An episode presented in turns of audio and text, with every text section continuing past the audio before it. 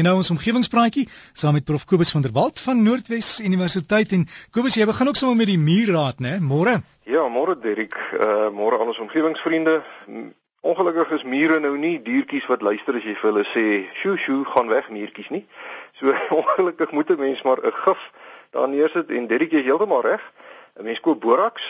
Uh mens kry dit by apteke te, te koop en dan maak jy suikerwater aan maar jy maak hom dik dat dit 'n stroopvorm en meng bietjie boraks in die suikerwater en sit 'n druppel of 2 3 naby die muurtjies neer. Hulle dra dan die boraks suikerwater mengsel in hulle neste in en die koningin uh, vrek daar binne en die muurtjies is weg. Dit, dit werk vir die swart muurtjies, die rooi muurtjies is nie hulle het nie 'n soet tand nie. So dis nog 'n probleem en ek as een van ons omgewingsvriende raad het teen die rooi muurtjies, sal ek dit baie waardeer. Maar die swart muurtjies, ek het dit self probeer en dit werk soos 'n bom. Maar nou ja, ek wil vanoggend eh, 'n uh, bietjie strategies in die kristalbal inkyk en 'n uh, bietjie kyk hoe party mense dink die omgewing gaan ontwikkel oor die volgende paar jaar. En ek doen dit aan die hand van verskeie navorsingsverslae wat nou onlangs gepubliseer is. En die wêreld se bevolking is nog maar steeds die grootste saak wat aandag geniet. Dit lyk gelukkig of die uitermate hoë groeikoerse besig is om stadig maar seker af te neem. Die bevolking sal oor 37 jaar, as dit aangaan soos nou, ongeveer 10 miljard mense wees en nog 100 jaar verder behoort dit op omtrent 16 miljard mense uh te stabiliseer voor dit dan weer sal afneem. So alles lyk dan nie of dit verlore is as die mense na die groter prentjie kyk nie, maar die probleem is dat in lande met swak ekonomieë die aanwas steeds buite beheer is. En ons praat hier van bykans die hele Sub-Sahara Afrika, uitgeslote Suid-Afrika, Namibië en Botswana. Van Zimbabwe, Zambië en Angola af noord kry elke vrou gemiddeld tot soveel as 8 kinders. En dis juis hierdie lande wat dit nie kan bekostig nie want die ekonomie is nie in staat om vir al hierdie mense te sorg nie. En in teenstelling daarmee neem die bevolkingsgroeikoerse in die ryker lande af sodat daar verskeie lande op aarde is wat negatiewe groeikoerse het. Met ander woorde, die mense word minder omdat daar talle vroue is wat geen kinders kry nie, soos byvoorbeeld in Italië en in Japan en in die skandinawiese lande. Nou gekoppel daarmee word die mediese sorg in die ryker lande al hoe meer gevorderd sodat mense al hoe langer lewe. En dit veroorsaak nou dat daar al hoe meer ouer mense is wat pensioene moet kry en van aanvaarbare lewensomstandighede verseker moet word. Maar terselfdertyd veroorsaak die afnemende geboortekoerse dat daar nou al hoe minder mense in die arbeidsmag is wat geld bydra tot die ekonomie en belastings betaal waarmee die ou mense versorg moet word.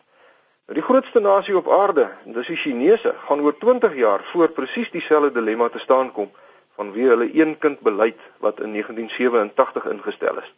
Maar die netto resultaat van alles is dat die aarde binne 'n paar dekades gaan sit met 'n reuse aantal ou mense wat versorg moet word en terselfdertyd met 'n reuse aantal ongeskoolde, ongeduldige en opstandige jong mense in lande waar opleiding gebrekkig is en werk skaars is. En die klompie jong mense wat wel in die ryker lande 'n goeie opleiding gekry het, gaan al hoe minder word en hulle gaan onmoontlik nie in staat wees om vir al die ou mense en vir die ongeskoolde jong mense van die aarde te sorg nie. So wat kan ons verwag in die nabye toekoms? 'n Grootskaalse bevolkingsverskywing waar die ongeskoolde jong mense hoofsaaklik uit Afrika na die ryker lande toe gaan stroom in die hoop dat hulle daar 'n beter toekoms sal hê.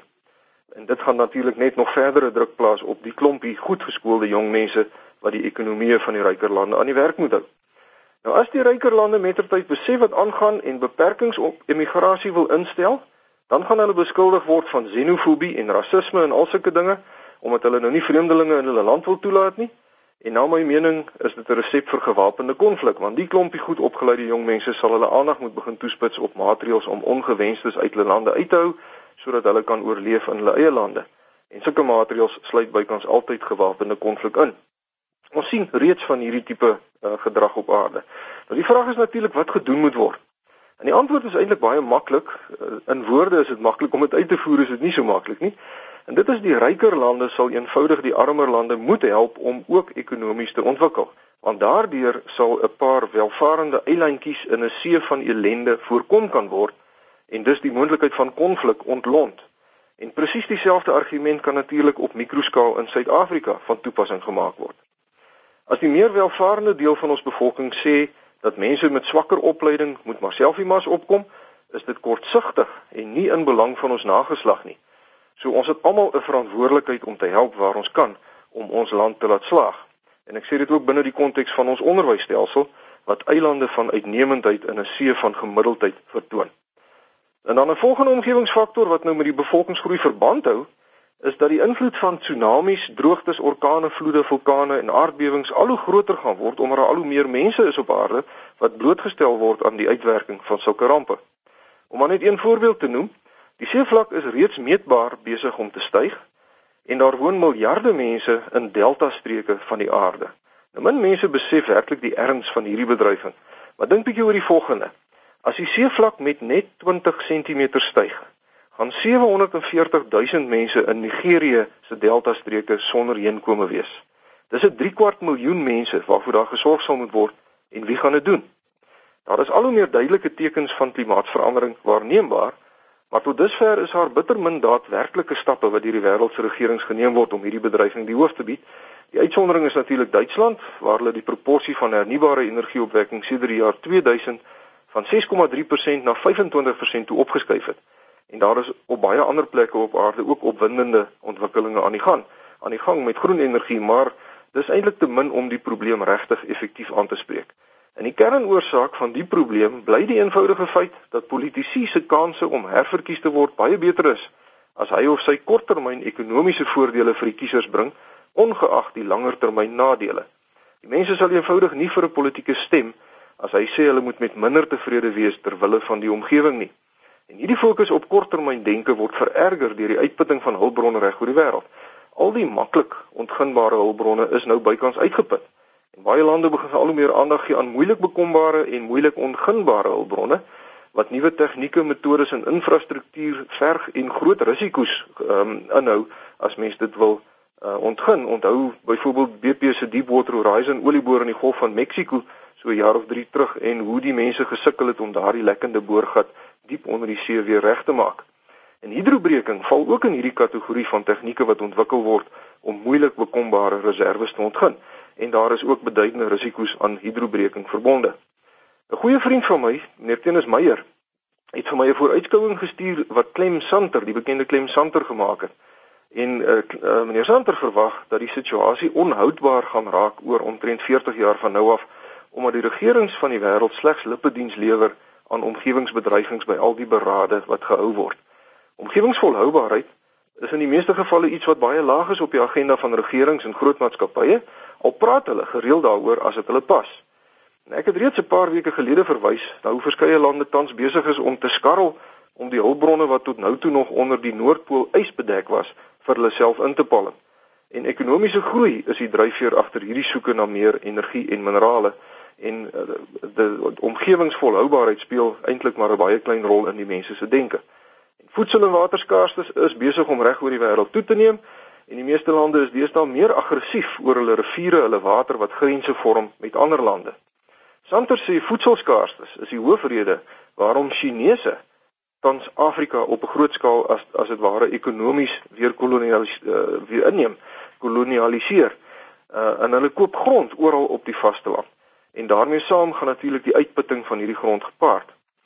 Ehm um, 'n ander goeie vriend van my, 'n professor aan die Universiteit van Turyn in Italië, is 'n fisikus wat deel van 'n groot internasionale span is wat navorsing doen oor die agteruitgang van die omgewing, professor Claudio Casardo.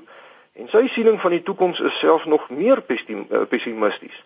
Hy sê die regerings en groot besighede gaan eenvoudig aangaan om die omgewing op te mors en hy dink die ekostelsel gaan op 'n dag heeltemal ineenstort waar waarop daar 'n derde wêreldoorlog gaan volg en eers daarna sal die klompie mense wat oorbly ernstig wees om volhoubaar in harmonie met die omgewing te leef. Nou, omgewingsvriende, ek skilder vanoggend 'n redelik negatiewe prentjie, maar gereelde luisteraars sal onthou dat ek onlangs vertel het van die verstommende tegnologiese vooruitgang en hoe nuwe tegnologie heel moontlik tot ons redding kan kom, maar hier is 'n groot risiko. Ons kan nie aanvaar dat ons genoeg van die omgewing gaan verstaan oor 'n paar jaar van nou af om al die probleme tegnologies op te los nie. En hoëvlak tegnologie gaan in elk geval hoofsaaklik in die eerste wêreld beskikbaar wees en nie in die derde wêreld waar dit nodig is nie. So, dit bring my maar weer net tot by die slotsom en dit is dat elkeen van ons 'n geweldige verantwoordelikheid het in hierdie verband om ons klein deeltjies by te dra. En ek verwys ons omgewingsvriende daarom graag weer na die webwerf www.groenenergie.co.za Ek sal die muurgif ook daarop sit www.groenenergie.co.za. skryf gerus vir my. Ehm um, ek is dankbaar vir alles wat ek kry, die briewe en nog steeds reënvaldata wat inkom. Baie dankie daarvoor. My rekenaaradres is kobus.vanderwalt@nwu.ac.za en my posadres is die fakulteit Natuurwetenskappe, Noordwes Universiteit, Potchefstroom 2520. Vriendelike groete vir al ons omgewingsvriende en Simon Kutse, ek hou jou dop. Dankie Koos.